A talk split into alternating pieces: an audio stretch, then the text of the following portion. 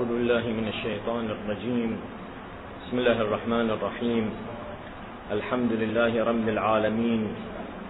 والصلاة والسلام على البشير النذير والسراج المنير الطهر الطاهر والبدر الزاهر المنصور المؤيد والمصطفى الأمجد أبي القاسم محمد.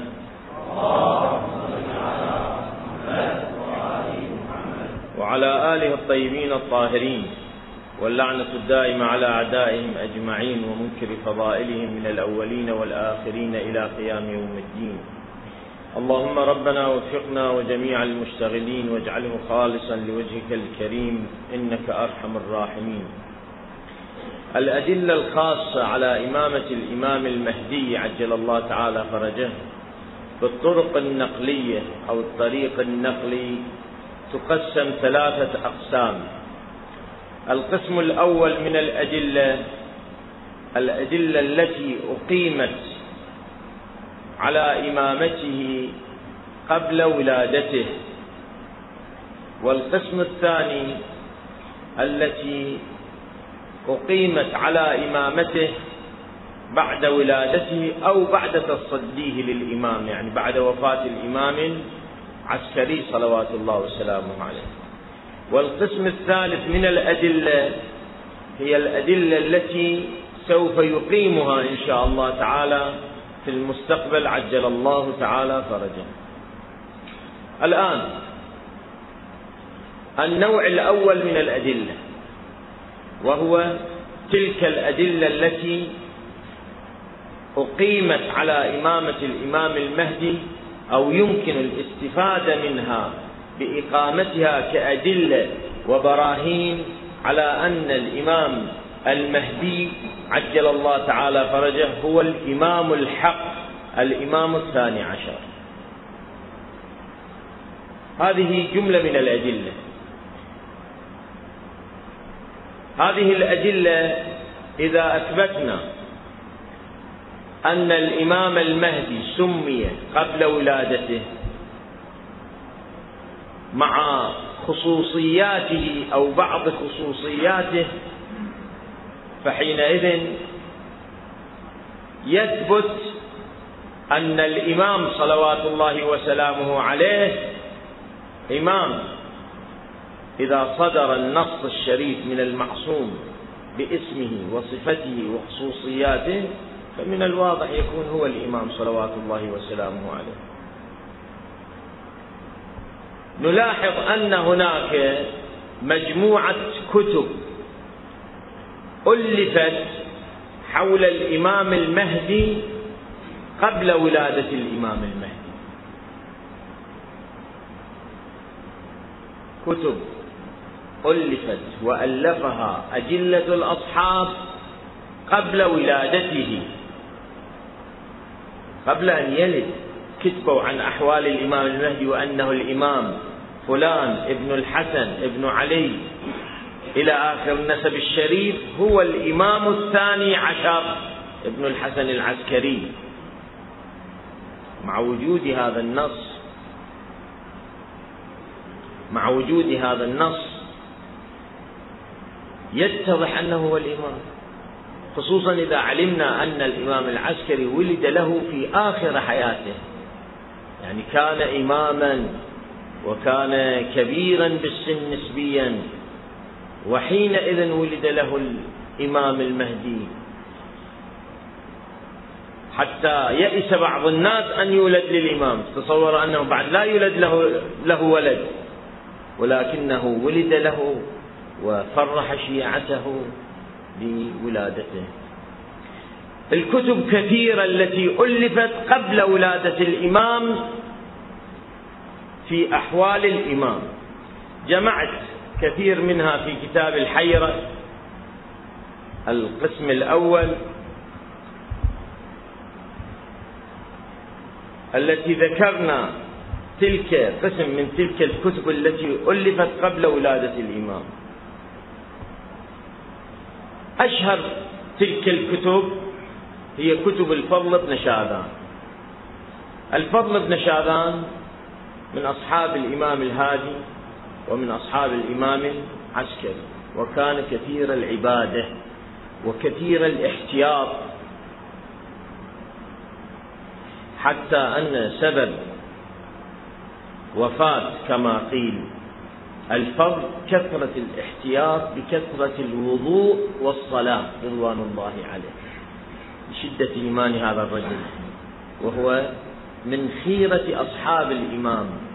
وعندما توفي جاء الخبر إلى الإمام العسكري فترحم عليه وذكره بخير. والكلام موجود ومبثوث في علم الرجال. الفضل توفي في زمن الإمام العسكري. وبعد ولادة الإمام المهدي عجل الله تعالى فرجه الشريف بسنتين. بعد الولادة بسنتين فقط. توفي الفضل. ألف ثلاثة كتب في المهدي. الكتاب الأول الغيبة. الكتاب الثاني إثبات الرجعة. والكتاب الثالث البشارات.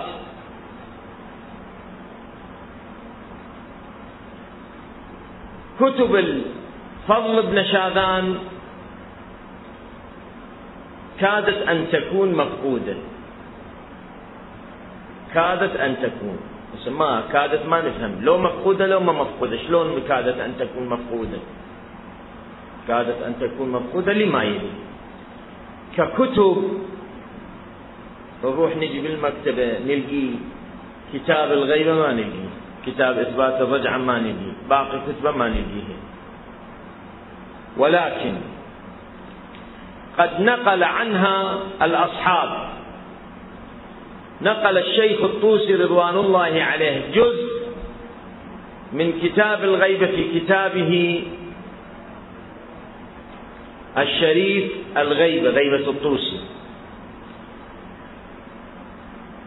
وكتاب إثبات الرجعة كان موجود يبدو عند الحر العاملي. وقد اختصره اختصر الكتاب بمجموعة الأحاديث. عشرة إلى 15 حديث على ما أتذكر اختصر من هذا الكتاب. من كل الكتاب كتاب إثبات الرجعة فسماه مختصر إثبات الرجعة. بخط مختصر إثبات الرجعة للشيخ الفضل بن شاذان. الكتاب المختصر موجود بخط الحر العاملي في مكتبة الإمام الحكيم قدس سره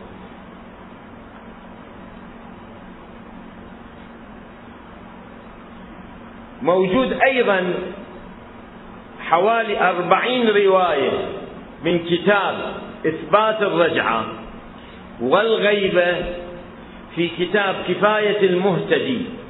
مخطوط لحد الآن لم يطبع. وهذا الكتاب للسيد المير لوحي رضوان الله عليه وهو من العلماء الكبار الذين كان معاصر للعلامة المجلسي في أصفهان ومنافس له في مقام الزعامة الزعامة الدينية. جمع حوالي سبعين رواية استلها كان الكتاب عنده. كان الغيبة وإثبات الرجعة موجود عنده فاستل منها فوضعها ضمن كتابه كفاية المهتدي. وهذه الروايات غير روايات الطوسي. يعني لو نجمعهم نجمع روايات الطوسي فحينئذ ربما يرجع عنا كتاب الغيبة للفضل ابن شعبان مرة أخرى أو أكثر الكتاب. في هذا الكتاب كتاب الفضل أذكركم الفضل مات قبل وفاة الإمام العسكري وبعد ولادة الإمام الحجة بسنتين. بعد الموضوع ما مطروح أن الإمام الحجة عجل الله تعالى فرجه هو الخليفة وراح يكون عمره خمس سنين أو أكثر. ما مطروح هذا الموضوع. مسكوت عنه. ولكن كان يعلم الفضل بأن الإمام الحجة هو الإمام. ولذلك كتب في كتابه هذا جملة من الروايات من جملتها قصة ولادة الإمام الحجة التي روتها السيد الحكيمة السيدة حكيمة هو يرويها عن السيدة الحكيمة. هو يرويها. ومن جملة ذلك روايات أخرى في ولادة الإمام الحجة أنه ولد الإمام الحجة عجل الله تعالى فرجه. إذا هذا قبل أن يولد أو بعض الكتاب بعض كتاب الفضل ألف بعد الولادة لا إشكال أن بعضه كان مؤلف بعد الولادة وبعض قد ألف قبل الولادة.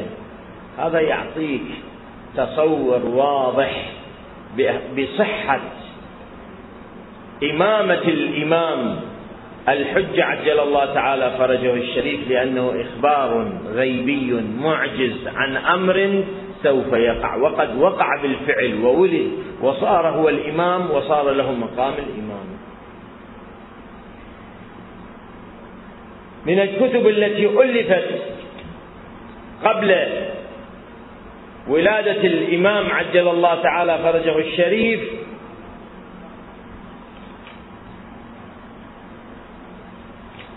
كتاب الغيبة. لأبي الحسن علي بن ابن الحسن ابن علي بن فضال. قال النجاشي كان فقيه أصحابنا بالكوفة ووجههم وثقتهم وعارفهم بالحديث والمسموع قوله فيه. سمع منه شيئا كثيرا ولم يعثر له على زلة فيه. ولا ما يشينه. إلى أن يقول كانت له وقد صنف كتب كثيرة منها يذكر ثلاثة كتب في أحوال الإمام المهدي كتاب الغيبة كتاب الملاحم كتاب البشارات. يعني اللي إحنا نسميه علامة الظهور حاليا. توفي ابن فضال رضوان الله عليه سنة 224 يعني قبل ولادة الإمام توفي سنة 224 يعني قبل ولادة الإمام الحجة ب 26 سنة. ب 26 سنة قبل ولادة الإمام. قبل الولادة. وقبل تنصيب الإمام. وهو سنة وفاة الإمام العسكري سلام الله عليه بثلاثين سنة. توفي قبل قبل وأخبر عن الإمام المهدي وخصوصيات الإمام المهدي. شنو يعني هذا؟ قال الإمام الثاني عشر هو الإمام محمد ابن الحسن ابن ابن ابنه إلى آخره وذكر الخصوصيات. والخصوصيات هذا قبل أن يولد الإمام هو توفي. قبل ما يولد الإمام بثلاثين سنة. قبل ب 26 سنة وقبل أن يكون الإمام إمام بحوالي 30 سنة. 30 31 سنة. هناك كتب كثيرة لهؤلاء. هذه الكتب من جملتها كتاب الغيبة وكتاب الرجعة وكتاب القائم. للحسن بن علي بن أبي حمزة. وهو من أصحاب الإمام الجواد عليه أفضل الصلاة والسلام. يعني قبل ولادة الإمام الحجة بعد تعرف بكم سنة. كتاب اسمه كتاب القائم عجل الله تعالى فرجه الشريف هو يسميه كتاب القائم عليه السلام. شوف. ويتحدث عن الإمام المهدي. بكم سنة؟ الله أعلم. وهذه الكتب الثلاثة ذكرها الشيخ النجاشي رضوان الله عليه في رجاله. هناك كتب كثيرة. من جملتها كتاب الغيبة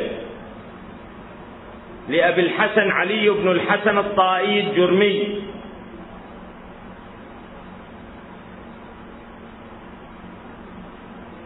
يكنى أبا الحسن وكان ثقة وكان فقيها ثقة. عده الشيخ الطوسي رضوان الله عليه من أصحاب الإمام الكاظم. يكتب عن الغيبة التي سوف تكون على سيدنا ومولانا صلوات الله وسلامه عليه. هناك كتاب القائم غير ذلك الكتاب القائم عليه السلام. تأليف علي بن مهزيار الأهوازي رضوان الله عليه.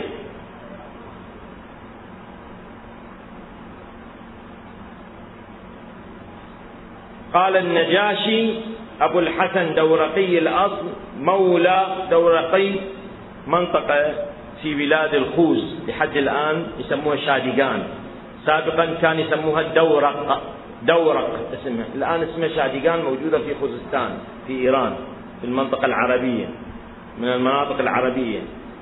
دورقي الأصل مولى كان أبوه نصرانيا فأسلم. وقد قيل إن عليا أيضا أسلم وهو صغير. ومن الله عليه بمعرفة هذا الأمر وتفقه وروى عن الرضا وأبي جعفر يعني الجواد عليه السلام.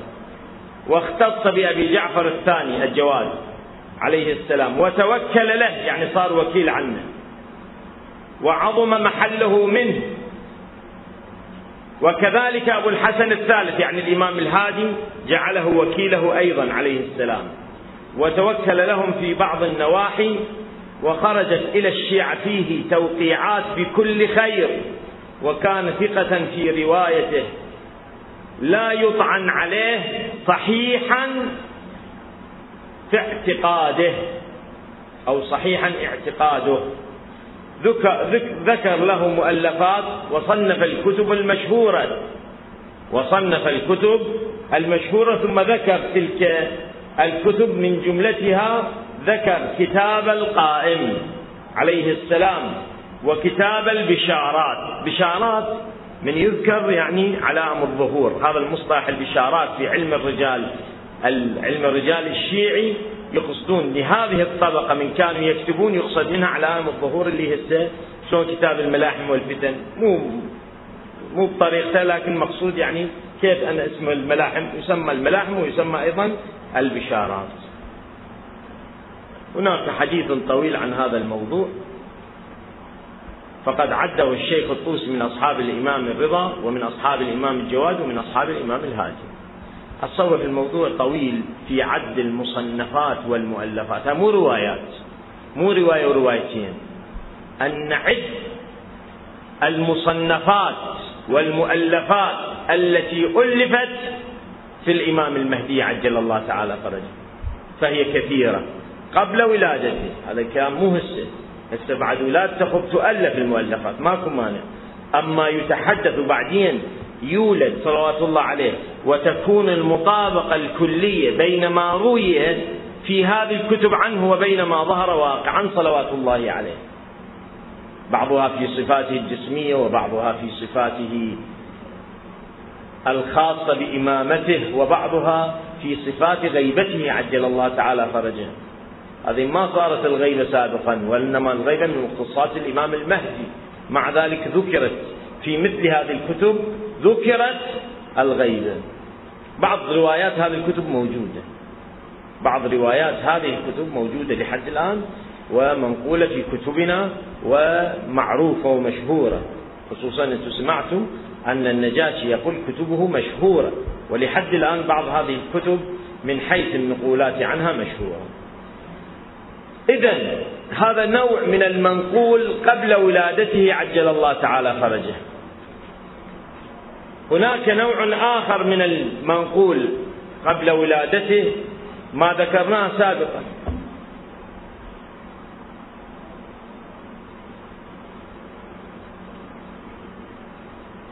أن أنه ذكر في اللوح المحفوظ وذكر وذكر في إلى آخره. هناك مجموعة من الآيات القرآنية. السيد هاشم البحراني التوبلي رضوان الله عليه ألف كتاب المحجة فيما نزل في القائم الحج عجل الله تعالى فرجه الشريف. جمع 120 آية نزلت في الإمام الحجة. استدرك عليها أيضا بعض الأحبة. أحد عشر آية فصار المجموع 131 12 آية استدركت 12 آية فصار المجموع 132 آية. 132 آية. مضمونها ومؤداها نزلت الإمام الحج. قبل أن نذكر شيء من هذه الآيات والروايات هذه كلها رويت عن النبي والأئمة. أنها نزلت هذه الآية في القرآن.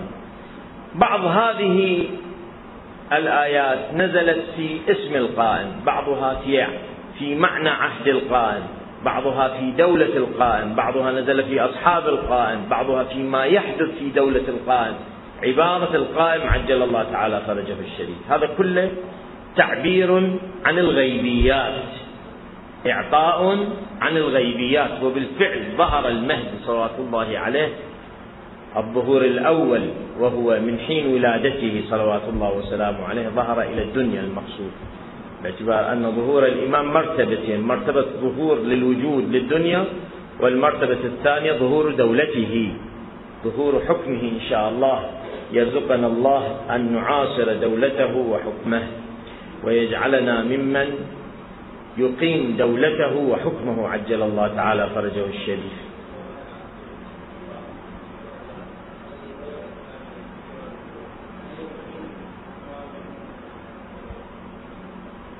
لا إشكال إن شاء الله هذا نقرأ بالمستقبل لا إشكال أن كل كل الحكومات التي تقوم بقيام الفقهاء العدول لا إشكال أنها تقوم بدور التمهيد لصاحب الأمر عجل الله تعالى فرجه الشريف.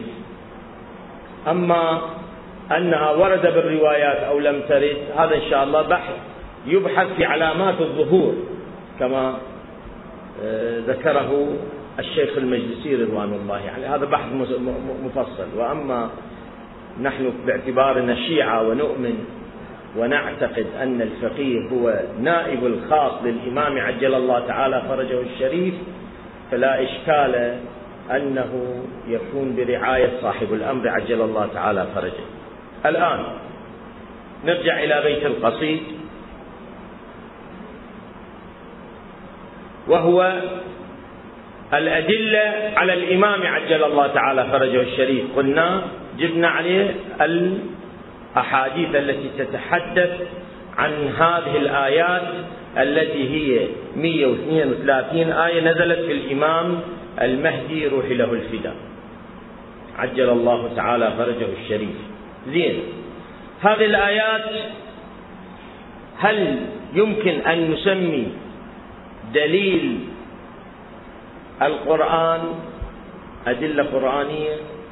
هذه الآيات باعتبارها لم تنص على الإمام مباشرة. يعني ماكو آية في آية في نفس الآية في نفس الآية قالت كذا ذكرت الحجة أو نزلت في مقام الحجة. يعني مطروح موضوع خارجي على الأرض متعلق بالحجة ثم نزلت الآية. ما توجد آية في, في مثل هذا المقام. وإنما هذه الآية تدخل في علم باطن القرآن. القرآن الكريم له ظاهر وله باطن.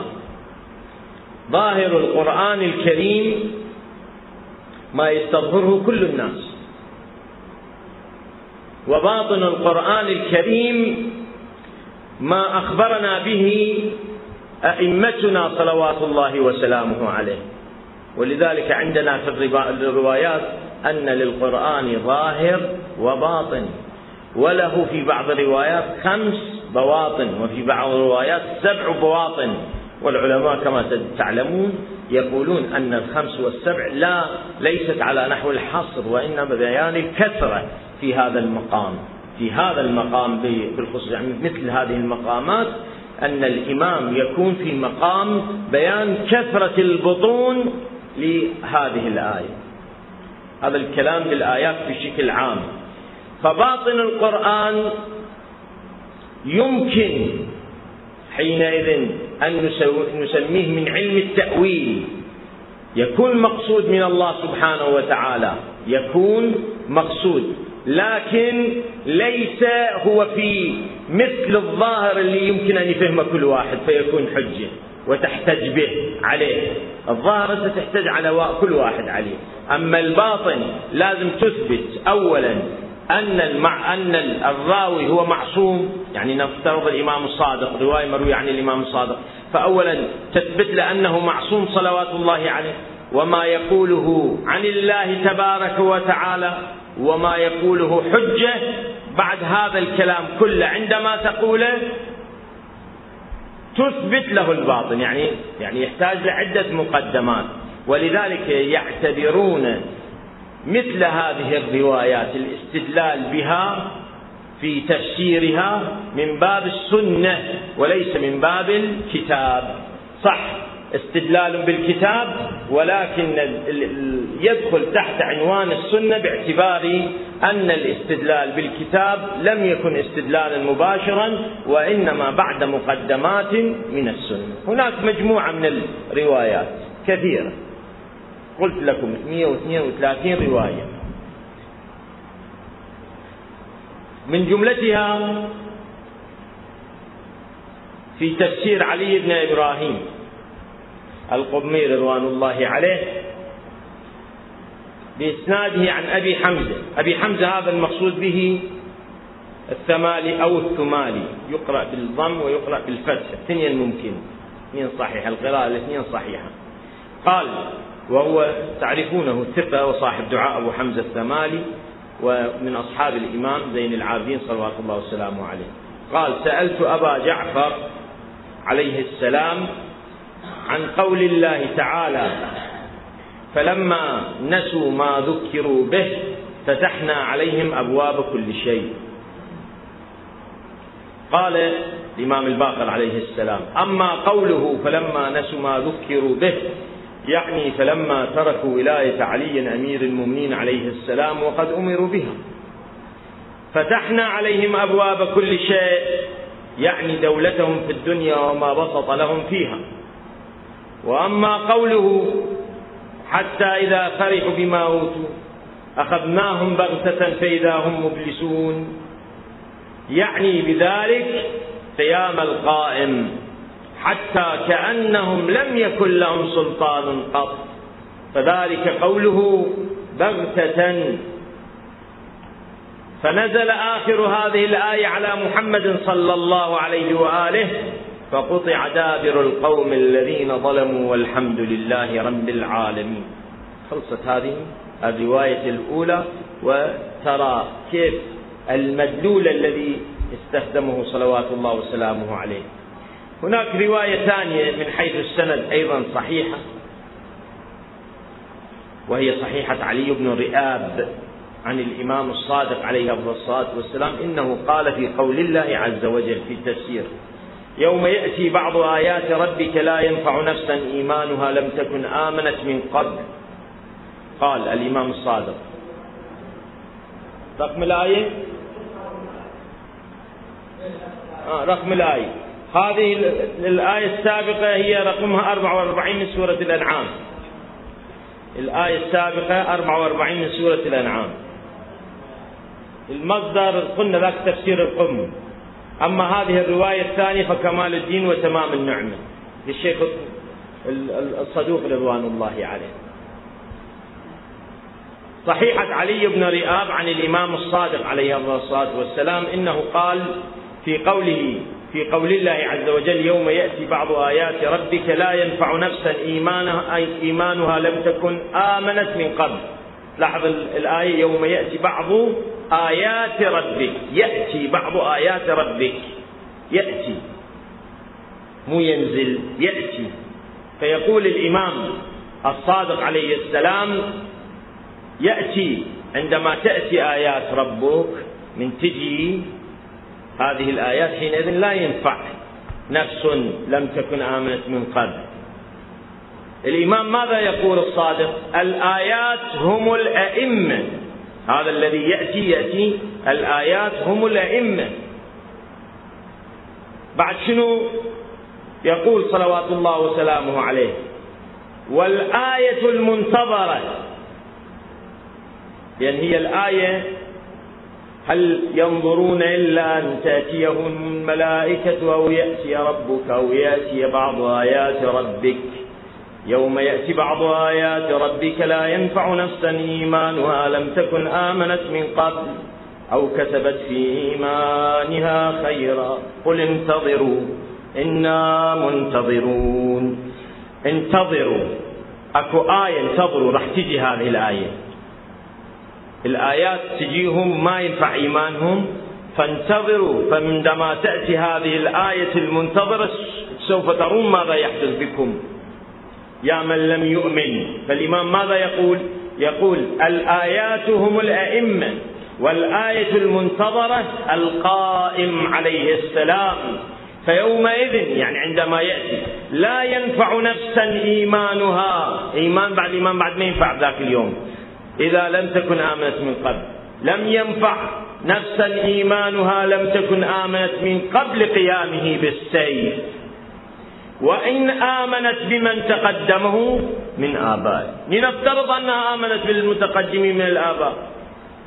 ولكنها لم تؤمن بالإمام صلوات الله وسلامه عليه حينئذ لم يكن ينفعها إيمانها. قلنا هناك 132 آية من هذا القبيل. أنا أعطيتكم على نحو المثال هذين المثالين بهذا الموضوع وهي هذه الآيات نازلة قبل ولادة الإمام باعتبار أنها نازلة على رسول الله وتفسيرها على فرض واحد يقول لي لا أنا ما أؤمن أن هذا التفسير هذا التفسير ما أؤمن به حتى لو قال السني قال أنا لا أؤمن بأن هذا التفسير صحيح أن هذه الآيات لا هذا تفسير الصادق مو تفسيرنا ما أؤمن أنا لابد أحصل التفسير تفسير مقاتل مثلا. أو عطاء أو ابن عباس أو غير ذلك ما أؤمن بهذا؟ طبعا للعلم والاطلاع. قسم من هذه التفاسير موجودة في تفاسير إخواننا السنة. الآن ما صار مجال عندي أجيب لكم المصادر وأقراها لضيق الوقت. مصادر السنة تذكر بعض نزول هذه الآيات في الإمام المهدي في المهدي. موجودة في شواهد التنزيل بعض تلك في كتاب شواهد التنزيل للحسكاني وهو من أئمة إخواننا السنة وموجودة بعضها في الدر المنثور للسيوطي. الآن قلت لك ماكو وقت وإن شاء الله تعالى قد نوفق أو آه، نشير إليكم إن شاء الله في بعض تلك المصادر. بس على فرض لو قال القائل يقول لا أنا ما أقول أنها نزلت في المهدي نقول زين أترك أنها نزلت في المهدي. الروايات هذه كانت في زمان المهدي أم قبل المهدي؟ الصادق أخبرنا في زمان المهدي أم قبل المهدي؟ قطعا قبل المهدي.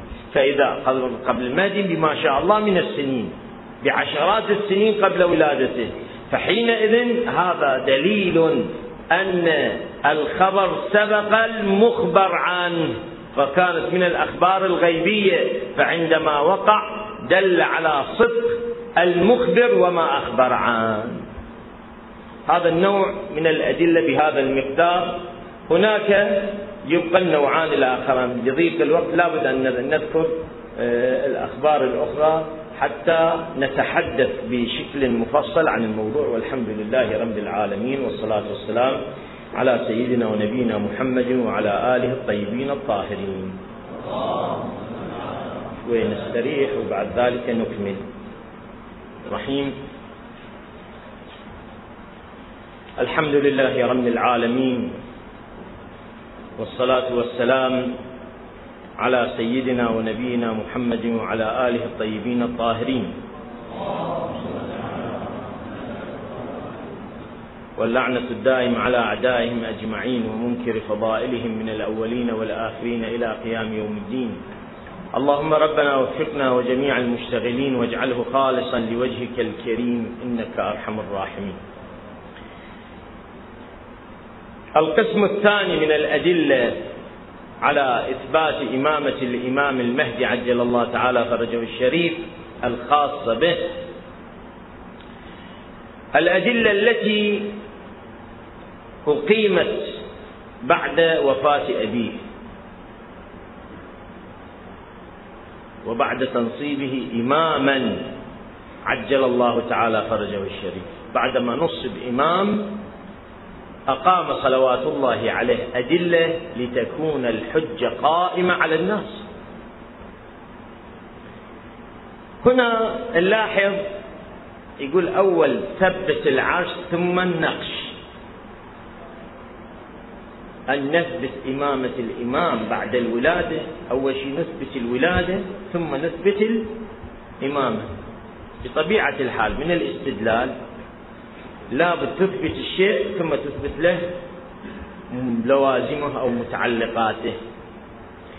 هنا وقع حديث من قبل بعض السنة المناقشة والإصرار أنكم تبحثون وتبذلون الوسع والوقت في إثبات إمامة رجل غير موجود. هو ما موجود أصلا ما مولود ما مخلوق. بعض السنة هالشكل يقولون لنا. أنتم ليش تتعبون روحكم؟ مؤلفين هذه عشرات مئات الكتب والمؤلفات في الإمام وهو أصلا لم يكن موجودا. ومن سخريات الدهر أن ظهر في آخر الزمان ولعله من علامات آخر الزمان. ظهور الدجالين دجال من هؤلاء الدجالين الذي حاول أن يسود بعض الأوراق ويظهر على بعض الفضائيات ويدعي أن قضية الإمام المهدي عجل الله تعالى فرجه قضية مختلقة لا أصل له لا وجود له لها. يدعي هذا الرجل أترفع عن ذكر اسمه أصلا وأنتم لعله تعرفونه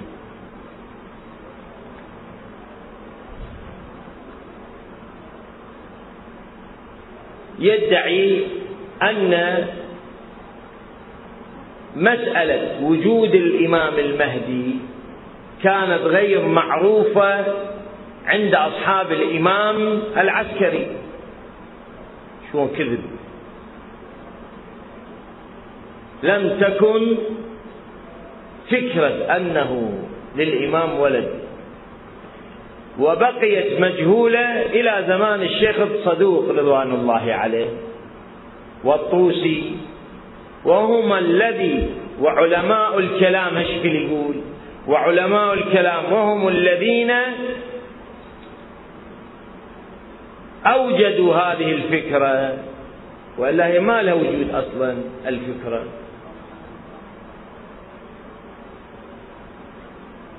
هذه لا تستحق أن نسميها شبهة أصلا وإنما أكذوبة. من قرأ كتابه يجدها كله كذب بكذب يعني فعلا لا لست لأني شيعي أو من رجال الشيعة أو كذا. عندما قرأت كتابه أتعجب من هذا الرجل كيف يكذب على الأئمة ويكذب يكذب على المؤلفين ويكذب على الكتب وكأنه يكتب كتاب في جزر وأقواق.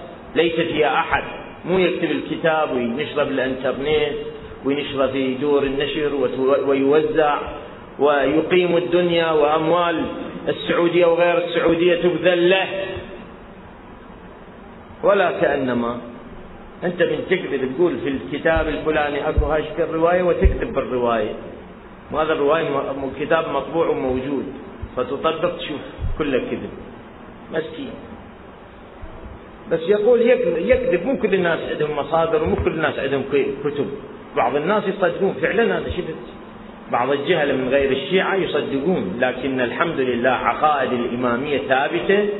وقطعية ويقينية ولا تحتاج حتى عوامنا ولله الحمد لا تحتاج إلى تثبيت بهذا المعنى مقابل أن يدخل في قلبهم شك لا يدخل في قلوبهم شك ولله الحمد. نرجع لأصل المطلب فنقول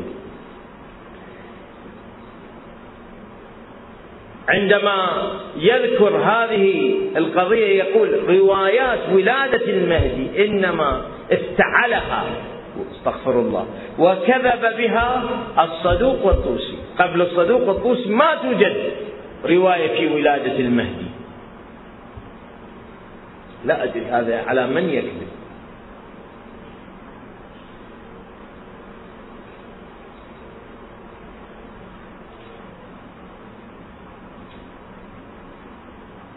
هنا عدة مواطن للنقاش. الموطن الأول قال بأن الشيعة الإمامية ليس لديهم دليل بالنص دليل نقلي بالنص وإنما عندهم دليل عقلي. ولا ينفع في هذا المجال الدليل العقلي وإنما نحتاج الدليل النقلي. طبل له أصحابه. من جملتهم هذا الكتاب المهدي المنتظر في روايات أهل السنة والشيعة الإمامية. هكذا يسمي دراسة حديثية نقدية يسمي روح الدكتور فلان عذاب فلان. في الأردن. ويطبل لهذا المسكين ويتعاون معه على أن الشيعة ليس لديهم دليل بالنص على ولادته. وإنما عندهم دليل عقلي فقط. فقط لديهم الدليل العقلي على ولادة الإمام المهدي. هذا الدليل العقلي يقصد به الدليل اللطف ونظرية اللطف. يقول ولا ينفع في هذا المقام الدليل العقلي. إحنا قبل أن نقول ونسترسل بالحديث لابد أن نقف أمام هذه الدعوة أن الدليل العقلي لا ينفع للبرهنة على إمامة الإمام. ما معنى الدليل العقلي؟ ليش الدليل العقلي؟ الدليل العقلي عندما يستدل به إنما يستدل بمقدمات مسلمة عند جميع العقلاء. العقل هو الدليل الذي يؤمن به جميع العقلاء سواء كان هذا العاقل سني أو شيعي مسلم يهودي مسيحي مجوسي لا يؤمن بدين ملحد الكل عندهم عقل واحد قوى إدراك واحدة. يسلمون بهذه القوة الواحدة. يعني مطمئنون الكل مطمئنون بأن هذه النتائج الحكمية من العقل نتائج مصيبة وصحيحة مئة بالمئة. هذا معنى الدليل العقلي. دليل العقل كل ما معناه هو هذا الذي نذكره وهو أن من عنده عقل من عنده عقل إذا أراد أن يستفيد من عقله فسوف يسلم بنتائج استدلال العقل. ولذلك القرآن يقول لعلهم يتفكرون لعلهم يعقلون. إن في ذلك لآيات لأولي الألباب. العقول يأكد ما يأكد على المسلم ولا يأكد على النصراني ولا يأكد على أهل الكتاب وإنما في باب البرهنة والاستدلال يؤكد على من؟ على العقل. ليش؟ لأن العقل يفترض بعيد عن منازعات الأديان بعيد عن اختلافات المذاهب. كل من عنده عقل قوة الإدراك بين جميع أطراف هذه العقول قوة الإدراك واحدة. العقل متساوي بين البشر. كل البشر متساوون في مستوى العقل. عندما نقول هذا أعقل من هذا ما نقصد بهذا العقل. وإنما أعقل بمعنى من المعاني من العقلانية. أهدى أرزن أذكى هذا كله مو هو المقصود من العقل. العقل الذي هنا هو قدرة الإدراك. ولذلك إذا تذكرون في علم الأصول وكذلك يذكرونه بالفلسفة فيقولون أن العقل حاكم وليس العقل منتج.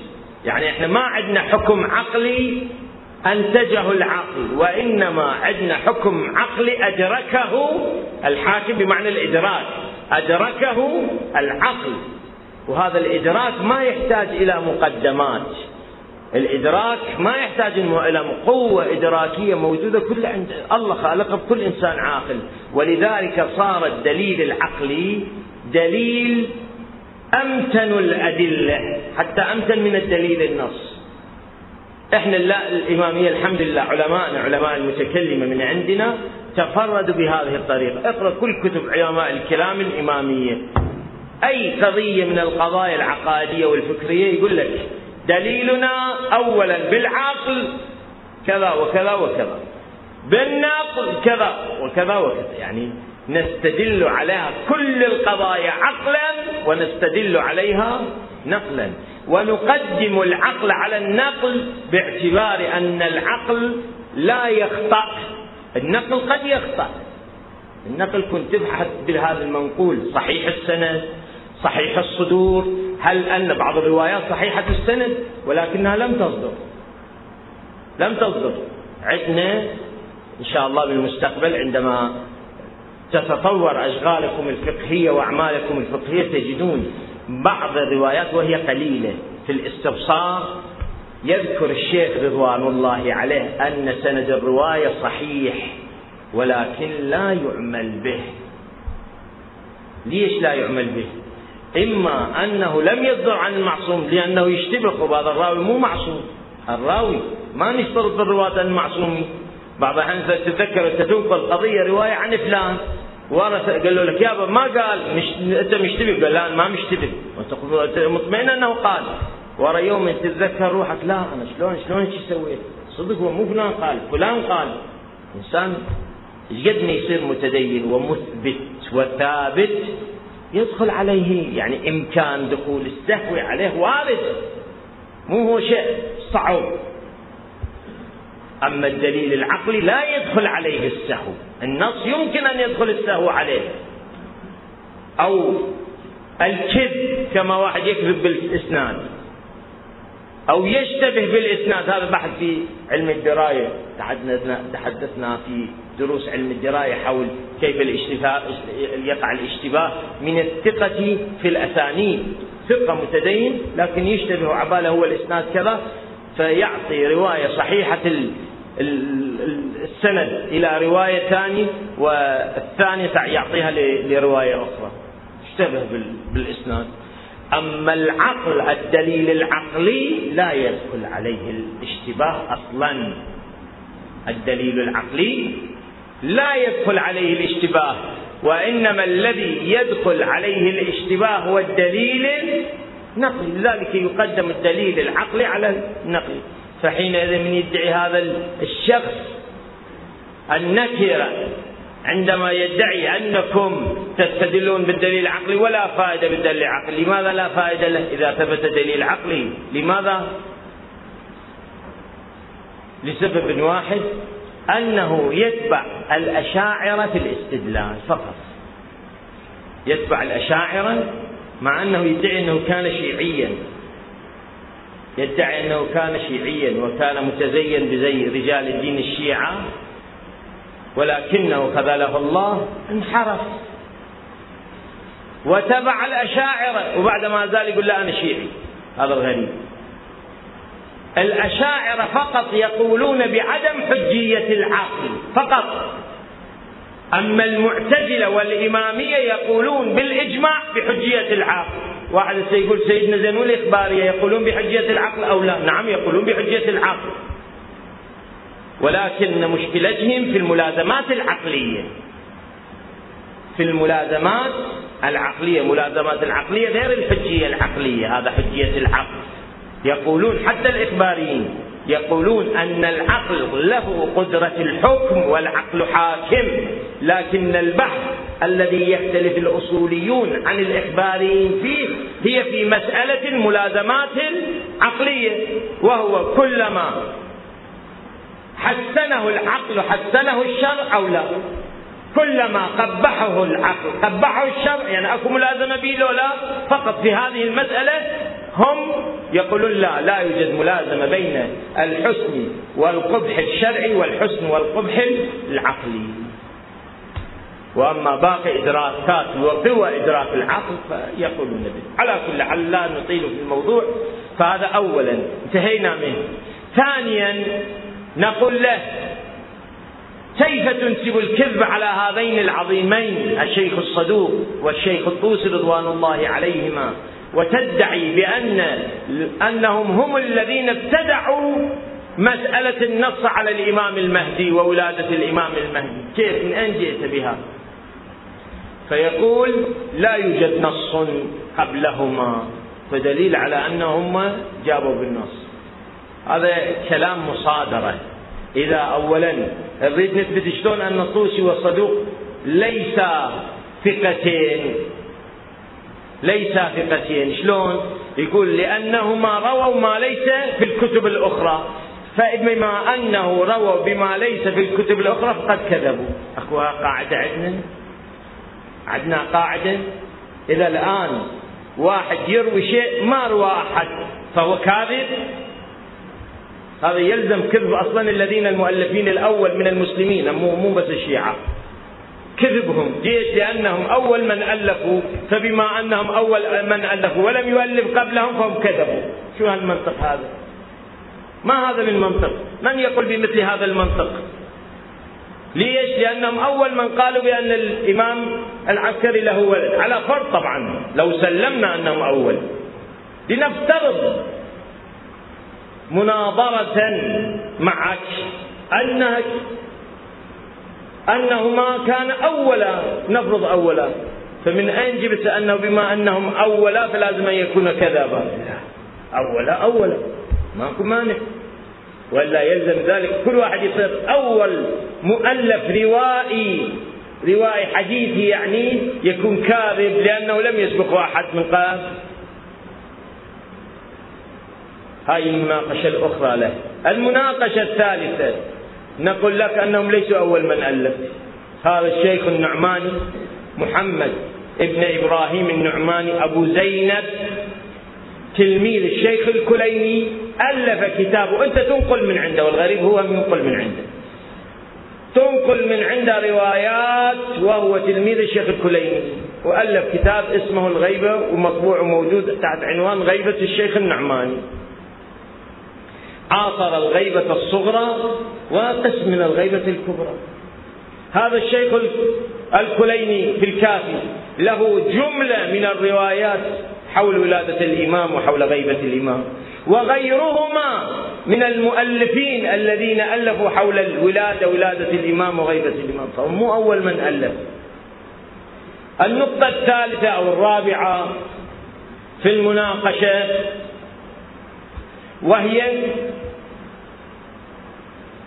ناقش في سند رواية ولادة الحجة. قال من الذي؟ من الذي نقل ولادة الحجة؟ سند الرواية ضعيف. الرواية رويت في جملة من كتبنا. رواية ولادة الإمام الحجة رويت بجملة من جملتها في غيبة الشيخ الفضل بن شاذان رواها عن السيدة حكيمة رضوان الله عليها. وسجلها بعد أكون أو أوثق من هذا. سجلها وبكتابه وموجود والآن مخطوط مو مطبوع. إن شاء الله يطبع الكتاب. من ظلم الشيعة. أن كثير من كتبهم المهمة لحد الآن لم تطبع. إن شاء الله تطبع. والرواية ملخصها ما يلي. السيدة حكيمة صلوات الله وسلامه عليها تقول جئت قبل النصف من شعبان إلى بيت سيدي أبي محمد العسكري. فبعد أن جلست أرادت أن تقوم. فقال لها يا عم اجعلي إفطارك الليلة عندنا. باعتبارها صائمة شعبان الصوم. اجعلي إفطارك الليلة عندنا. فإنه سيولد في هذه الليلة المولود العظيم الشأن على الله تعالى. فقلت ممن؟ فقال من نرجس. سلام الله عليه. قلت يا سيدي ما أرى عليها أثر الحمل. ما شفت. قال يا عم إن أمرها أم أمر أم موسى. أم موسى؟ ما ظهر الحمل. خوفا. وإنما ظهر ساعة الولادة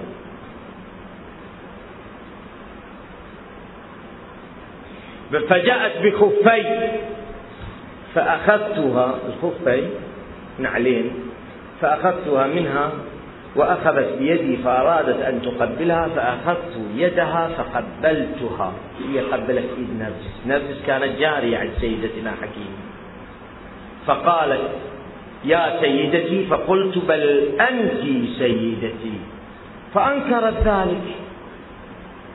أنت بنت عمة الهادي العمة الكبيرة عمة العسكري سلام عمة أبو الهادي عمة أبو العسكري عمة الهادي يعني عمة أبو سيدنا ومولانا الإمام العسكري صلوات الله وسلامه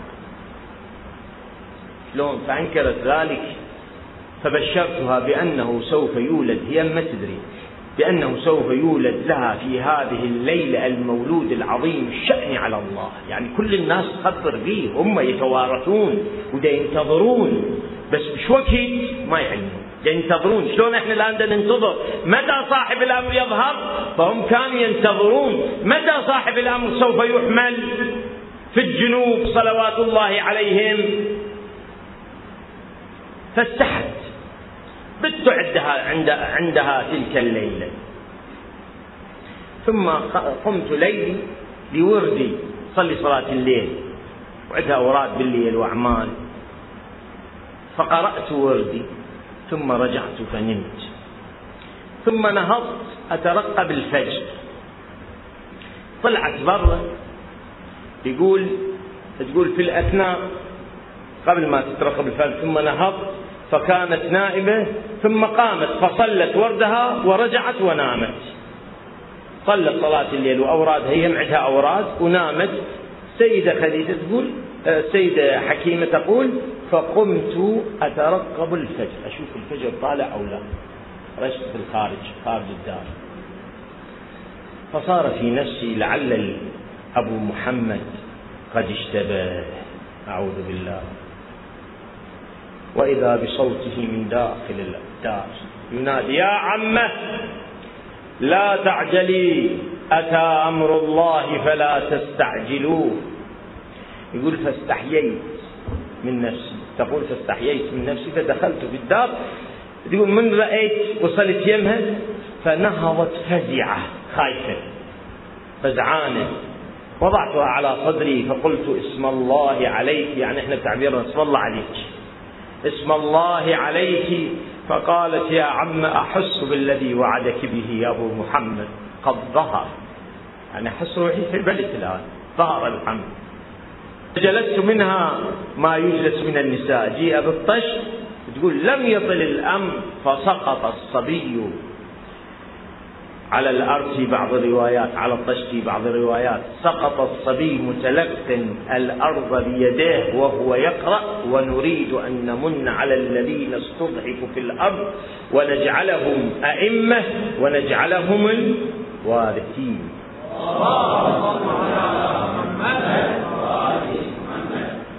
فناداني أبو محمد يا عمة آتيني ولدي. فجئته بالصبي فوضع قدميه على صدره ويديه على ظهره ثم وضع لسانه في فيه لسان الإمام خلاه بحلق الإمام المهدي ثم مصه صلوات الله عليه فأخرجه وقال أنطق! فقال أشهد أن لا إله إلا الله وأن محمدا عبده ورسوله. ثم سلم على أمير المؤمنين وما زال يسلم على إمام إمام حتى سلم على أبي على أبيه فعندما وصل إلى نفسه سكت وقال بقية الله خير لكم.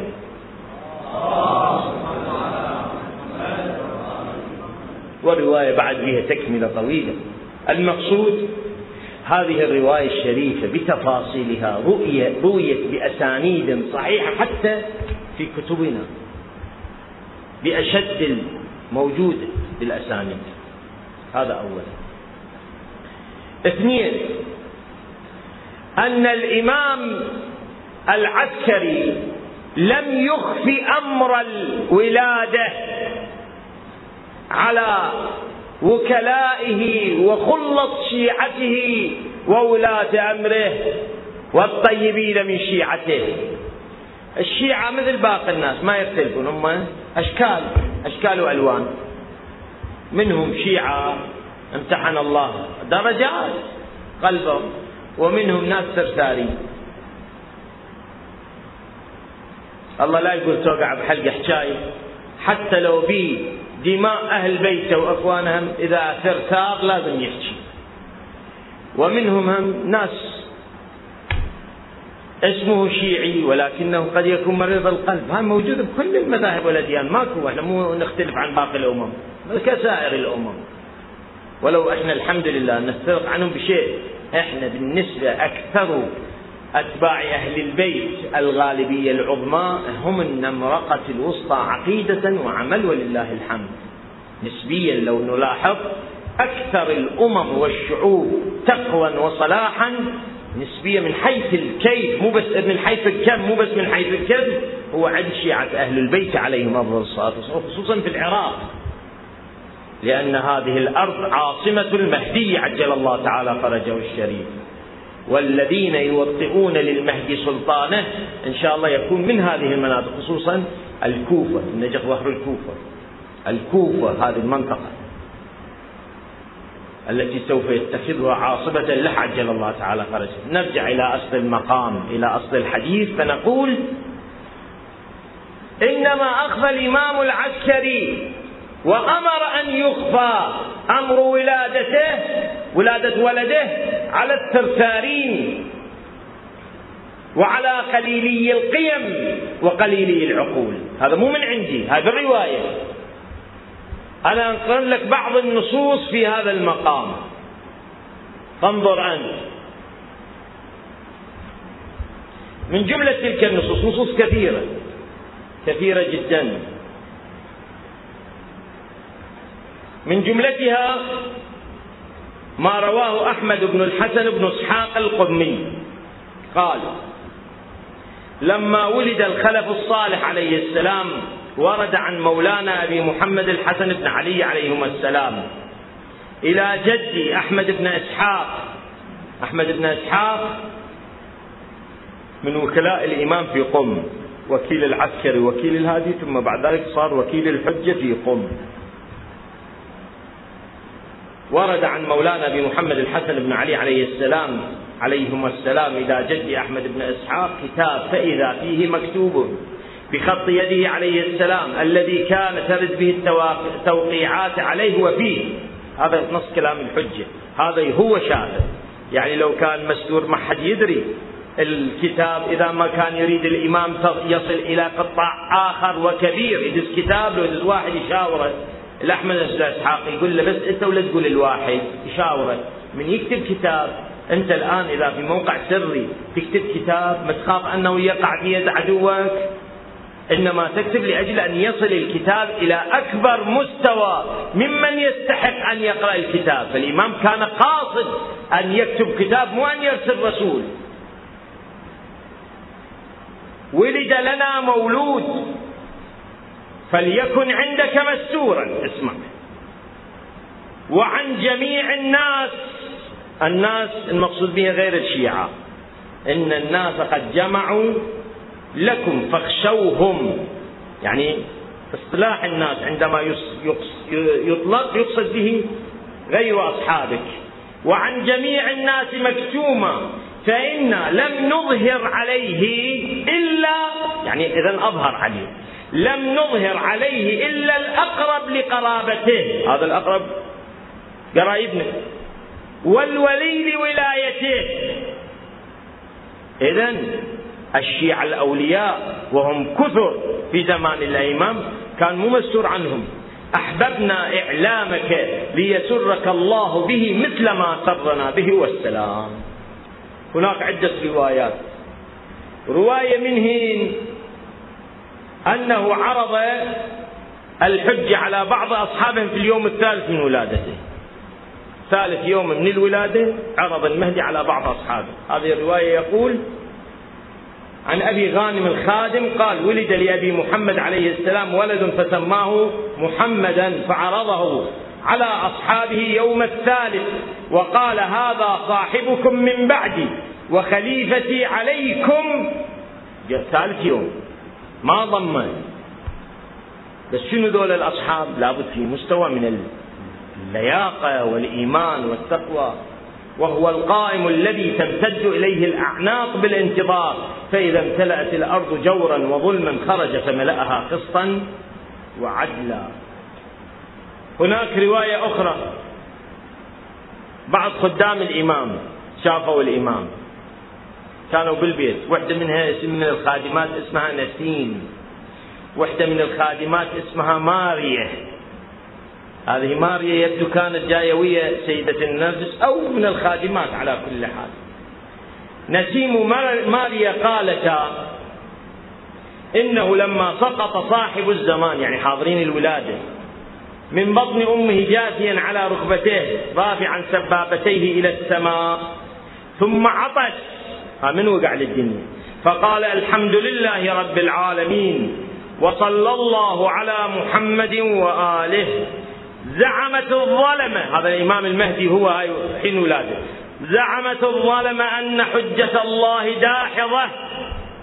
لو أذن لنا في الكلام لزال الشك. يقول ما مأذون لنا بالكلام. لو أذن لزال الشك. وقالت نسيم الخادم أبي محمد عليه السلام. في مرة نسيم تقول قال لي صاحب الزمان وقد دخلت عليه بعد مولده بليلة. ليلة واحدة ورا ما دخلت عليه. فعطست عنده.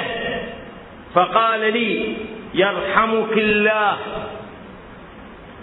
قالت نسيم ففرحت بذلك. لأن كثير منهم يقول الشيخ الصدوق وغير الشيخ الصدوق.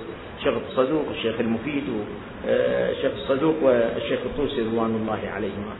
قالت نسيم ففرحت بذلك فقال لي عليه السلام ألا أبشرك في العطاس؟ فقلت بلى يا مولاي. فقال هو أمان من الموت ثلاثة أيام. إذا واحد يعطس أمان من الموت من حيث الوضع الصحي مو من يعني أمان ما تنزل عليه لنفرض دبابة أمريكية وتكتلة أو لا مو أمان من الدبابات ولا أمان من الرصاص الطائش ولا أمان من مفخخات الوهابية ولا شيء وإنما أمان من الأمراض والعلل هذا المقصود منه. هناك مجموعة من أصحاب الإمام عرضهم عليهم الإمام. من جملته يقول معاوية بن حكيم وهو من أصحاب الإمام رضوان الله عليه. هذا من الصلحاء. من الثقات ثقات أصحاب الإمام العسكري ومحمد بن أيوب ابن نوح كذلك من عظماء الطائفة ومحمد بن عثمان العمري بعد هذا النائب الأول. قالوا عرض علينا أبو محمد الحسن بن علي ونحن في منزله وكنا اسمع وكنا أربعين رجلا مو واحد ولا اثنين أربعين. أربعين رجل. أربعين مكان في أربعين واحد يعني تشيع الخبر. لكن كلهم من قبيل هؤلاء الصالحين. فقال هذا إمامكم من بعدي وخليفتكم وخليفتي عليكم أطيعوه ولا تتفرقوا من بعدي في أديانكم فتهلكوا أما إنكم لا ترونه بعد يومكم هذا. قالوا فخرجنا من عنده فما مضت إلا أيام قلائل حتى مضى أبو محمد عليه السلام. توفي. طبعا الروايات في هذا الباب كثيرة. هناك كثير من شاهد الإمام. هناك كثير من عرض الإمام عليه. حينئذ أين تولي وجهك أيها الكذاب الأشر الذي تزعم أن الشيعة لم يعرفوا الإمام؟ نعم. هناك طائفة تركوا في عماهم ما يعرفون. لأنه خوفا على الإمام. الشيخ المسعودي صاحب مروج الذهب يذكر في أحوال صاحب الزمان عجل الله تعالى فرجه في ذلك الوقت والإرهاب العباسي ضد الإمام الحجة وبيت الإمام العسكري يقول وكان السيف على الرقاب. يعني حاضر لقص الرقاب. وكان السيف على الرقاب. يعني شدة لم يكن يعيش في رخاء صلوات الله عليه في تلك الفترة. فكان حقا أن الموضوع يكون يحاط بالسرية السرانية. ولكن لم تكن بهذه السرانية المزعومة.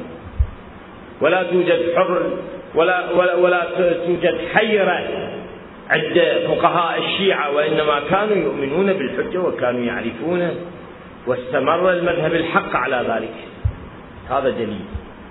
الدليل الآخر. إن شاء الله بس هذا الدليل من الكلام. أطلنا عليه. الدليل الآخر دليل عام ما أقصد فقط على هذا الواقع ولادة الإمام وإنما الدليل العام. قبل ما أذكر هذا الدليل أكو موضوع آخر كيف تثبت ولادة الولد؟ شلون نعرف ولد لو ما ولد؟ نعرفه من خلال القابلة. القابلة الجدة المولدة. شلون نعرف أن فلان ولد؟ هذا الولد ابن هذه المرأة وابن هذا الرجال كيف نعرف؟ إحنا شلون عرفونه؟ بالمستشفى بالمستشفى ضايعة. شلون يثبت؟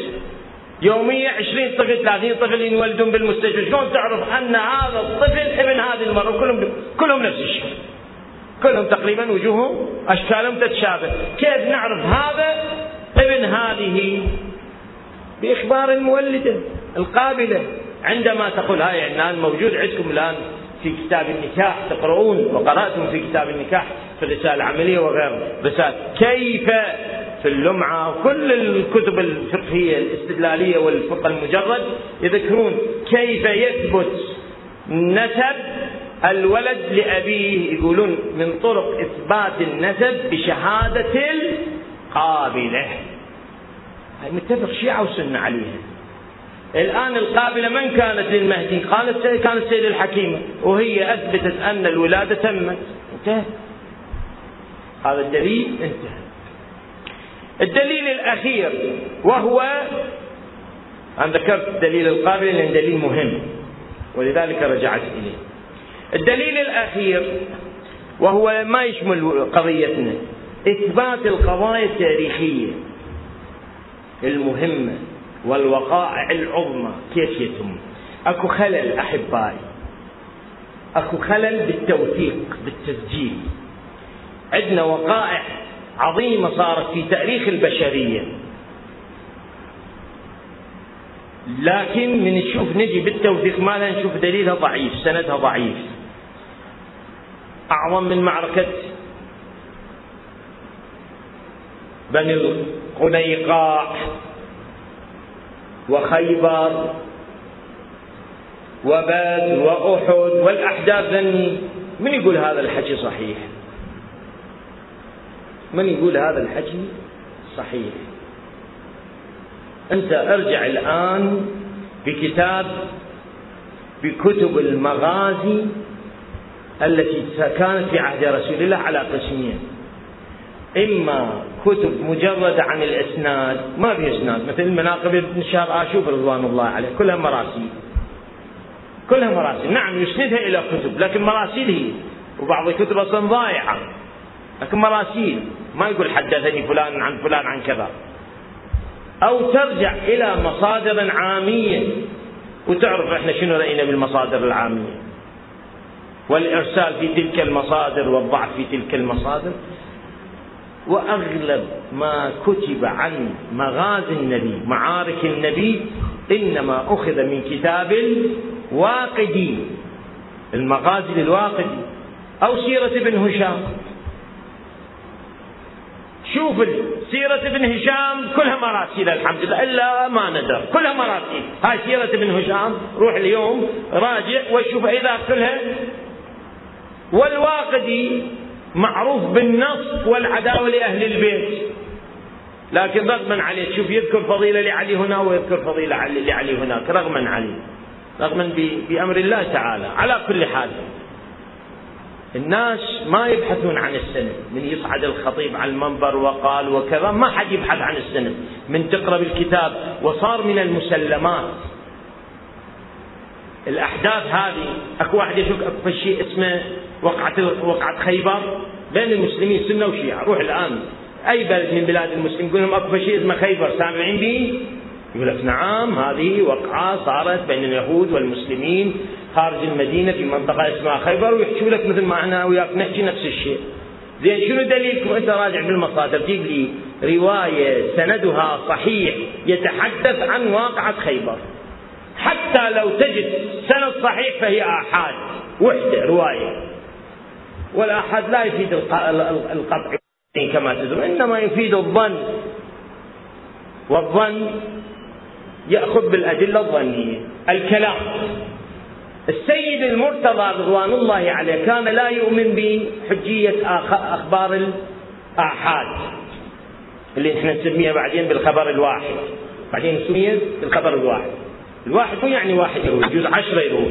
الخبر الواحد الذي لم يصل إلى مرتبة التواتر يسمى خبر واحد. حتى الخبر المستفيض هناك بحث في علم الدراية علم الحديث أن الخبر المستفيض هل هو خبر آحاد أم لم يكن خبر آحاد. المشهور بين العلماء حتى الخبر المستفيض إنما هو المرتبة العليا. هذا المشهور بين الفقهاء الشيعة والسنة مرتبة عليا من أخبار الآحاد. على كل حال إنه خبر آحاد. إذا شلون إحنا الآن هذه الأحداث من المسلمات عندنا من خبر الآحاد؟ خبر الآحاد يفيد الظن لكن أكو واحد يشك؟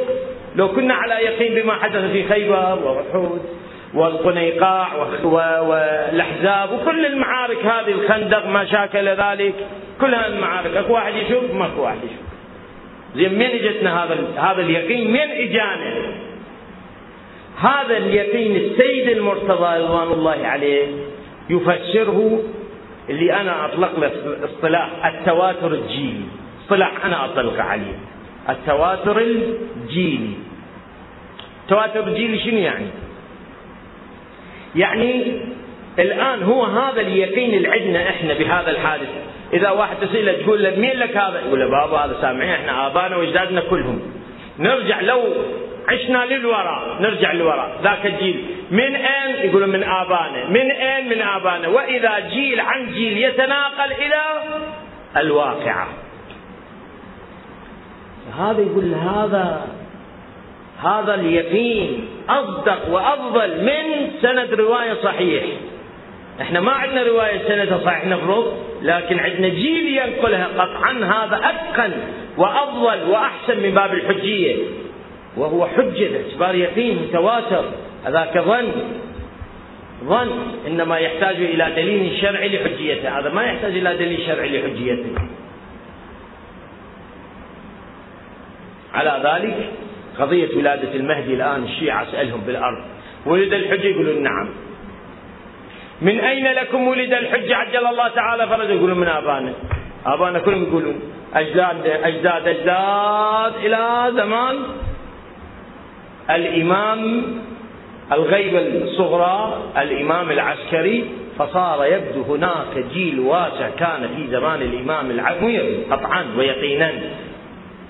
كان هناك جيلا واسعا في زمان الإمام الصادق كما الإمام العسكري كما برهن عليه بالروايات وتشهد له الروايات هناك كثيرون شهدوا رأوا الولد رأوا الإمام أو أنهم سمعوا الإمام يخبرهم أو سمعوا فقهاء الأئمة حدثوهم عن مولد الإمام المهدي فصار حينئذ ولادته من القطعيات. حينئذ ندخل في بحث ما هي أدلة إمامته بعد وفاة أبيه هذا بكرة إن شاء الله والحمد لله.